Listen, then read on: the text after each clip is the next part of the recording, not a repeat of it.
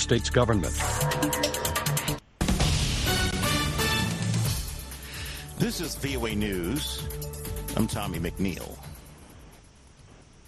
The United States has vetoed an Arab backed and widely supported UN resolution demanding an immediate humanitarian ceasefire in the Israel Hamas war. The vote Tuesday in the 15 member Security Council was 13 1, with the United Kingdom abstaining.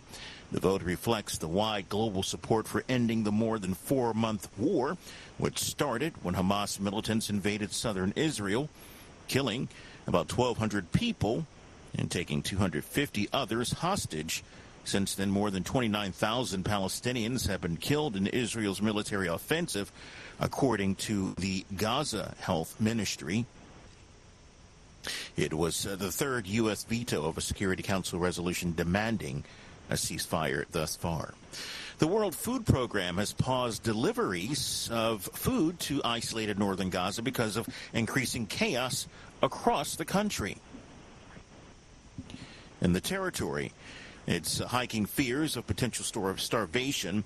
A study by the UN Children's Agency warned that one in six children in the north are acutely malnourished. Entry of aid trucks into the besieged territory has sharply declined by more than half the past two weeks. According to UN figures, overwhelmed UN and relief workers said aid intake and distribution has been crippled by Israeli failure to ensure the convoy's safety. And uh, this also amid its advancing assault and a breakdown in security with uh, hungry Palestinians frequently overwhelming trucks to take food. Again, the World Food Program now saying it has paused deliveries altogether of food to isolated northern Gaza. More at voanews.com. Again, voanews.com. This is VOA News.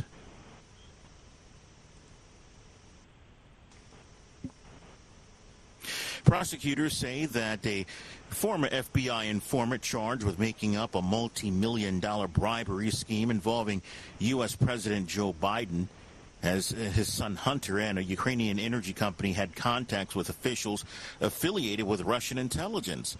Prosecutors said that in a court filing urging a judge to keep Alexander Smirnov behind bars while he awaits trial, but the U.S. Magistrate Judge Daniel uh, Albregts allowed Smirnov to be released from custody on electronic GPS monitoring.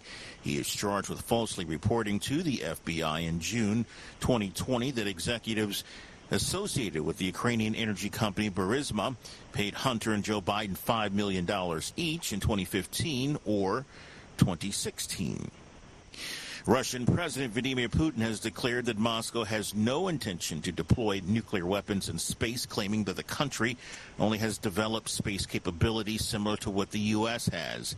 Putin's statement follows last week's White House confirmation that Russia has obtained a troubling anti-satellite weapon capable and uh, also, although it is not operational yet, the White House National Security spokesman John Kirby said it would violate the International Outer Space Treaty, but also declined to comment on whether the weapon is nuclear capable.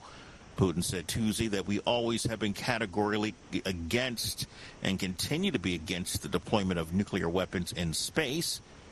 He added that Russia only has developed space capabilities the other nations, including the United States, have. The U.S. Supreme Court has left in place the admissions policy at an elite public high school in Virginia, despite claims that it discriminates against highly qualified Asian Americans. The federal appeals court in Richmond had upheld the revamped admissions policy at the Thomas Jefferson High School for Science and Technology, frequently cited among the best in the nation. James Samuel Alito and Clarence Thomas dissented from the order Tuesday, rejecting an appeal from parents. The appeals court essentially ruled that intentional race discrimination is constitutional so long as it is not too severe. Alito wrote in his dissent the High Court's action followed its June decision striking down admission policies at colleges and universities that took the count of race into effect. Divers have recovered the body of an 11 year old girl from the state of Texas in a river days after she disappeared. Authorities say they are preparing to file murder charges against a friend of the girl's father. I'm Tommy McNeil, VOA News.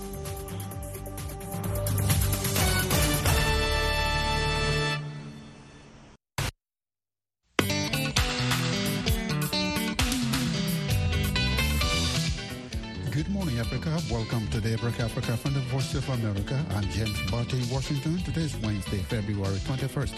And here are some of the stories we are covering. The African Development Bank says the high cost of living in Africa could cause unrest. The three basic needs of life food, clothing, and shelter. Nobody can survive without food. And that is where the level Nigerians are heading to. So people are becoming restless the Prime Minister of the DRC resigns and his government dissolved. Some analysts said the African Union has made no significant progress on resolving the Somalia-Ethiopia dispute. Somali women parliamentarians seek constitutional changes to achieve equal representation. Senegalese voters may know any day now when their country's presidential election will get back on track. The whole question is when do we start? There are people who believe that we can start the campaign next week so that the election will be held either on the 10th of uh, March or on the 17th of March. And the United States vetoes an Arab backed UN Security Council resolution calling for an immediate ceasefire in Gaza. Those stories plus our Black History Month presentation are coming up on Daybreak Africa.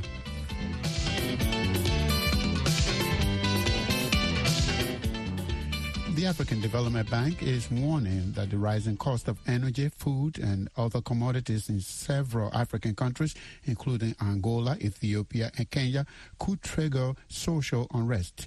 Already, people in Africa's most populous country, Nigeria, have been marching to protest the high cost of living, prompting the government to release national reserves of grain. Timothy Obiezu reports from Abuja. The African Development Bank's notice was contained in its biannual Africa Macroeconomic Performance Outlook publication released last week. The bank said in its 2024 forecast that energy and food prices increases, along with a currency depreciation in Angola, Ethiopia, Kenya, and Nigeria, could spark internal conflict despite Africa showing overall economic growth. The bank also said conflicts in Eastern Europe and the Middle East could trigger supply disruptions, exacerbate inflation across the world, and make Africa's situation more precarious. This as protests over hunger and the cost of living grow in Nigeria. On Monday, hundreds of people demonstrated in southwestern Oyo State, asking authorities to take steps to bring down the cost of food or resign from office. Security analyst Senator Iroegbu agrees with the African Development Bank's projections. It's obvious for even to the blind to see that there will be social unrest because the three basic needs of life food, clothing, and shelter the most important is feeding. Nobody can survive without food. And that is where the level Nigerians are heading to. So people are becoming restless. In fact, if one tenth of what happens in Nigeria happened to every other place, there'll be serious unrest. The African Development Bank says Africa has several rapidly growing economies such as Ivory Coast, Libya, Niger, Rwanda, and Senegal. But the bank says performance varies from country to country depending on economic policies. Nigerian President Bola Tinubu embarked on bold economic reforms, including the scrapping of expensive fuel subsidies and floating of the country's currency upon taking office last May. While authorities say the policies are bound to pay off, the immediate shocks are having an impact on the economy. Last week, Nigeria's inflation hit 29.9%, its highest mark since mid 1996. In response, authorities ordered the release of 102,000 metric tons of grain, including rice and maize, to lower food prices. On Tuesday, Nigeria's Chief of Defense Staff, Major General Christopher Musa, spoke to journalists in Abuja about the situation. The entire world is feeling the heat. It's not only Nigeria. So it's not only peculiar to Nigeria as a whole. Uh, probably recently we've had a, little, a few riots here and there, yes. Uh, why I'm happy is that the government too is also not sleeping. The government too is stepping up to uh, to ensure that um, uh, they address these challenges. Uh, you've seen that uh, greens have been opened. Uh, measures are put in place to be able to provide succor all over the country. The issue of dollar and the exchange rates, everything is tied to it, and that's why we're having these issues on ground. The Africa Development Bank says economic growth in Africa is expected to average 3.8% and 4.2% in 2024 and 2025, respectively, higher than projected global averages in the same period. But protesters say unless they can afford food and life's basics, they will continue to march in the streets. Timothy Obiezu, VOA News, Abuja, Nigeria. Senegalese voters may know any day from now when their country's presidential election is back on track. The election had originally been scheduled to take place February 25th before they were abruptly postponed by President Macky Sall and codified by Parliament. But there were two major developments on Tuesday. First, 15 out of 20 candidates approved to take part in the elections called for them to take place no later than April 2nd the date that President Macky Sall is expected to leave office. Second, the country's constitutional council republished the list of qualified candidates with little or no change. Senegalese political analyst Ibrahim Khan tells me the Constitutional Council is right for refusing to add new candidates. They have the right to appeal to the public or to the different institutions for their participation to the election. But the thing is that the list is already set by the Constitutional Council, and I think the Constitutional Council will not come back again and reopen the list. And I think it's over. Those who are not on the list can wait uh, the next five years to prepare their participation. But let me ask you about the call by these candidates for the election to be held no later than April 2nd. Is that feasible? Well, apparently it's possible if they shorten the duration of uh, the campaign. You know, usually in Senegal, the campaign for presidential election is three weeks, but the campaign for legislative is two weeks. And people believe that because they can do the campaign for legislative in two weeks, they can do that campaign also in two weeks. So now the whole question is when do we start? There are people who believe that we can start the campaign next week so that the election will be held either on the 10th of uh, March or on the 17th of March. Because usually in Senegal there is two rounds. The second round may be held just one week before the handover of power which means that uh, Macky Sall will be able to hand over the power to the new elected president. I think that's what people believe that the president may be announcing probably tomorrow because he needs to adopt a decree in that regard. They are still discussing with many, many actors. So hopefully that can be done. Because if the election first round is not held by the 17th of March, it means that the new president will come in after the 2nd of April. And after the 2nd of April, Macky Sall will not be there. In that case, the Constitutional Council will come in first to have a say on the end of Macky Sall tenure, and then probably because the Constitution said that the Speaker of the Parliament can take over for three months, and the Speaker can organize the modalities during the three month period. That's possible. But everybody wants the election to be held before the departure of Macky Sall because that will mean that we are still in the time frame of the Constitution. Ibrahim Khan is a Senegalese political analyst. He was speaking with us from the capital, Dakar. The United States warned Rwanda and the Democratic Republic of Congo at the UN on Tuesday that they must walk back from the brink of war, according to French news agency AFP. Kinshasa, the UN, and Western countries say Rwanda is supporting the M23 rebel group operating in eastern DRC, an allegation that Kigali denies. Meanwhile, DRC Prime Minister Jean-Michel Sama Lukonde resigned on Tuesday, leading to the dissolution of his government. Joining us for more on these developments from Goma in eastern DRC is reporter Al Katati Sebiti Jaffa. Coming from Kinshasa, the latest news from DRC is the resignation of the Prime Minister Jean-Michel Sama Lukonde. 20th February was the last date given to all voted parliament members to choose between their mandate or their other occupation politically. And the Prime Minister Sama Lukonde decided to resign so that the President Tshisekedi can now appoint a new prime minister to create a new government of DRC. With the resignation of the prime minister, what happens to the rest of the government? The prime minister is the head of government, and when he resigns, this means that all his government will follow him and this is what happened in the Democratic Republic of Congo today. We can say that the Sama Lukonde government is not anymore the government of DRC, but still allowed to operate because we have some pending affairs and current affairs. They will continue working as ministers till when the president of DRC will appoint a new prime minister, the one who will create a new government. We understand there have been some development uh, a week ago or so. Two South African soldiers died in the operation near Goma. What's the latest about that? Bodies of the two South African soldiers who were killed in Mubambiro last week were repatriated today in South Africa.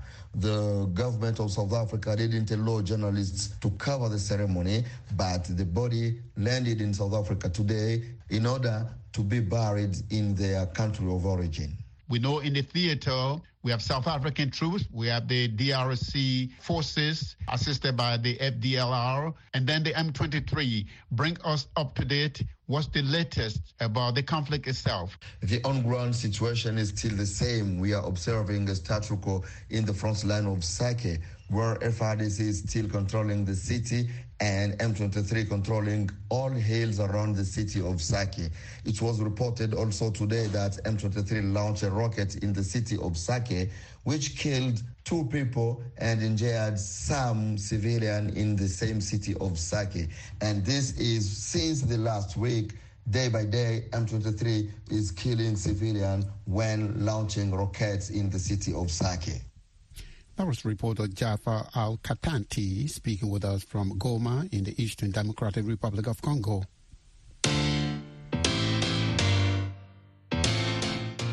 You are listening to Daybreak Africa on the Voice of America. I'm James Butty in Washington. Today is Wednesday, February 21st.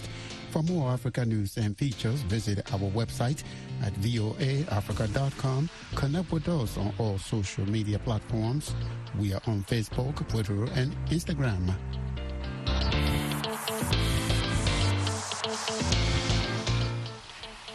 A UN official on Monday said that the African Union made no significant progress in resolving the Somalia-Ethiopia dispute at the recent AU summit. The dispute involves a memorandum of understanding signed earlier this year between Ethiopia and Somaliland, a breakaway region of Somalia considered a, its territory. VO's Douglas Mpuga reached uh, Abdi Ismail Samatar, a professor at the University of Minnesota and a senator in the Somali parliament, for his take on the AU stance on this dispute. I think actually the, both IGAD and AU made a serious decision, uh, which said that all countries, Ethiopia should uh, respect the territorial integrity of each state. That's a diplomatic way of saying Ethiopia, what you have done, it breached that AU United Nations law. And so that's one to think. The second thing is not really a dispute between Somalia and Ethiopia. It's a question of Ethiopia signing an agreement with a provincial leader in Somalia, which is against international law. And, and so it's really for the Ethiopian government and the prime minister in particular to recognize the mistakes that they have made and then begin to converse uh, with the Somalis in order to be able to move forward by withdrawing from the local mem- uh, memorandum of agreement that they have signed with uh, sort of a provincial leader. And the African Union seems to be uh, sort of a soft pedaling on that. And there's no other way to resolve this issue at all except for the Ethiopians to withdraw. And then if they want to have a commercial access to Somali ports, then that should be a very straightforward. So this is a relatively very simple matter. If the Ethiopian prime minister can sort of undo the damage that he has done to the neighborhood, in my mind. Yeah, but it appears uh, Ethiopia's prime minister or the Ethiopian government is not willing to do that, and they're standing firm on their deal with Somaliland, despite the fact that major international organizations have voiced respect for Somalia's sovereignty and territorial integrity. Now, why, do, why don't you think AU should have a common voice on this issue? If you know the history of the African Union, always been paper tiger. That's the African Union has been a paper tiger. Rarely ever has it been able to solve any questions, whether it's of this kind or others. I mean, it's boiling. The African Union has been virtually helpless. The the Southern Sudan difficulties, by and large, they have been very helpless. The stuff that's going on in the Sahel, of uh, from West Africa to East Africa, the African Union has been helpless. Libya question, they have been helpless. So it's not the first time the African Union has made declarations without being able to push those declarations and turn them into material objects on the ground. That was Abdi Ismail Samatar, a professor at the University of Minnesota and a senator in the Somali parliament. He spoke from the Somali capital, Mogadishu, with Douglas Mpuga. The Somali parliament on Tuesday concluded a debate on the first of 15 chapters of the constitution, which is being brought before the legislative bodies for amendments. Opposition politicians have warned against changes to the document without broad-based consultations with all stakeholders. Meanwhile, Somali women parliamentarians are seeking changes to key articles to achieve equal representation. Reporter Harun Maruf of the Somali Service spoke with Senator Saredo Mohamed Hassan shortly after the debate. There's two articles. One is Article 3 and Article 8. That two articles, uh, one is talking about proportional in uh, participation in the politics, and one is talking about people and uh, censorship. So tell me about Article 3. How do you want that article written? We want the inclusive quota bill of women participation to be stated in that article. We want to write the article as this. We want it to be women should be participated in all three uh, levels of the government with 30% proportion representation. And why do you think that's important? In Somalia, we know that women participation is uh, very low. In 2016, 2021, it was 26%. Instead of going up, it went down. Now it's 19 or 20%. So, in, in order to secure the women participation in the parliament and the equity of being in the politics as our counterparts male, we want to write that 30% in the constitution today. And Article 8 talks about citizenship. What kind of changes do you want to make to this article? We want equality between male and female. We want to write down in that article that any child that is born by Somali mother or Somali father should take the Somali citizenship. And what does it say about citizenship to children to parents of Somali origin and a foreign parent? There is nothing stated there, but there is a law written in 1960 that is saying if Somali woman marries a foreigner man, her children cannot take the citizenship of a Somali. So if we did not write now in the constitution, that law goes on. Senator Saredo Mohamed Hassan is a female Somali member of parliament. She spoke from Mogadishu with reporter Harun Maruf of the Somali Language Service. The United States on Tuesday again vetoed an Arab-backed United Nations Security Council resolution calling for an immediate ceasefire in Gaza but this time, Washington proposed its own draft that calls for a temporary ceasefire and rejects an Israeli ground offensive in Rafah without civilian protection. It is the strongest leverage yet that President Joe Biden has used towards Israel, a sign that his patience with Prime Minister Benjamin Netanyahu is running thin. White House Bureau Chief Patsy Widakuswara has this report.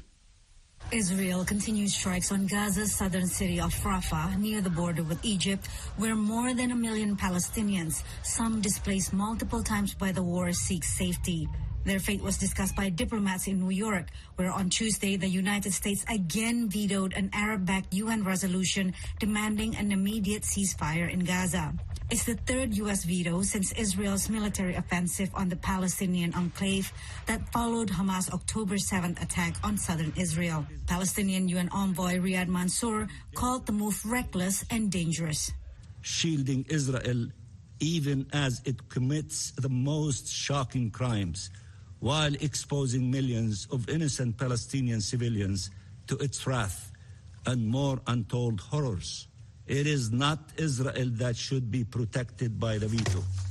It is Palestinian children, women, and men who must be protected by this council acting now. The U.S. proposed its own draft resolution that calls for a temporary ceasefire in Gaza up to six weeks, only after a hostage deal between Israel and Hamas is secured. The U.S. is pushing for the deal with Egypt and Qatar. It also condemns the October 7th attack and makes clear that Hamas has no place in future governance of Gaza. In addition, our draft states there can be no reduction of territory in the Gaza Strip and rejects, as we have before in Resolution 2720, any forced displacements of civilians in Gaza. It also highlights the concerns many council members have regarding the fate of civilians in Rafah, making clear that under current circumstances, a major ground offensive into Rafah should not proceed. Skeptics see the U.S. resolution as a diplomatic ploy that would prolong Palestinian suffering. Israel has warned that unless the hostages held by Hamas are freed by the start of Ramadan on March 10th, it will push on with a ground offensive in Rafah. Every day there are threats and statements. We don't know where to go. However, the U.S. resolution does show Washington's hardening stance on Israel's conduct of the war. This is the first time that the U.S. has proposed a text which really does include some fairly strong implicit criticism of Israel's campaign in Gaza and the situation in the West Bank. And I think that the Biden administration may be sending a subtle sign that it will continue to protect Israel at the UN, but its patience is not limitless. Israeli Prime Minister Benjamin Netanyahu has vowed not to bow to international pressure. This week, his war cabinet is meeting President Joe Biden's top advisor, Brett McGurk, who will push Israel to agree on the hostage deal and hold off from a ground campaign in Rafah. Patsy Widakuswara, VOA News, Washington.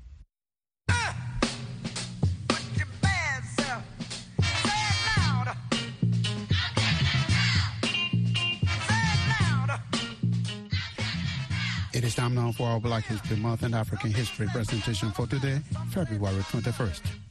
On this day, 1936, Barbara Jordan was born in Houston, Texas. She became the first African American woman to be elected to the U.S. House of Representatives. Jordan passed away January 17, 1996. Also on this day, 1965, Malcolm X was assassinated by three black men while he was speaking in Harlem, New York City. Malcolm was born in Omaha, Nebraska in 1925. His name at birth was Malcolm Little, but he changed his last name to the letter X after he became a member of the Nation of Islam. Like many black Muslims then, Malcolm believed that the letter X stood for the true African name of each African American who was taken from Africa by slavery. On this day in 1940, one of the civil rights pioneers, John Lewis, was born in Troy, Alabama. His family members were sharecroppers, but Lewis overcame poverty and political marginalization to educate himself. In 1963, Lewis was elected president of the Student Nonviolent Coordinating Committee. In 1986, Lewis was elected to the U.S. Congress. He died July 17, 2020. Did you know that Carolyn Robertson Payton was the first woman and the first black to head the United States Peace Corps organization? She was appointed by President Jimmy Carter in 1977 to be the director of the Peace Corps. And those are your Black History facts for today, February 21st. That's it for this Wednesday, February 21st edition of Daybreak Africa. We thank you for coming aboard with us this morning. For more Africa news and features, visit our website at voaafrica.com. Connect with us on all social media platforms. We are on Facebook, Twitter, and Instagram. We are also on YouTube, where you can watch our TV show, Africa 54, Straight Talk Africa, and Red Carpet. On behalf of the Daybreak Africa team, I am James in Washington, wishing that you will have a lovely day. Yeah.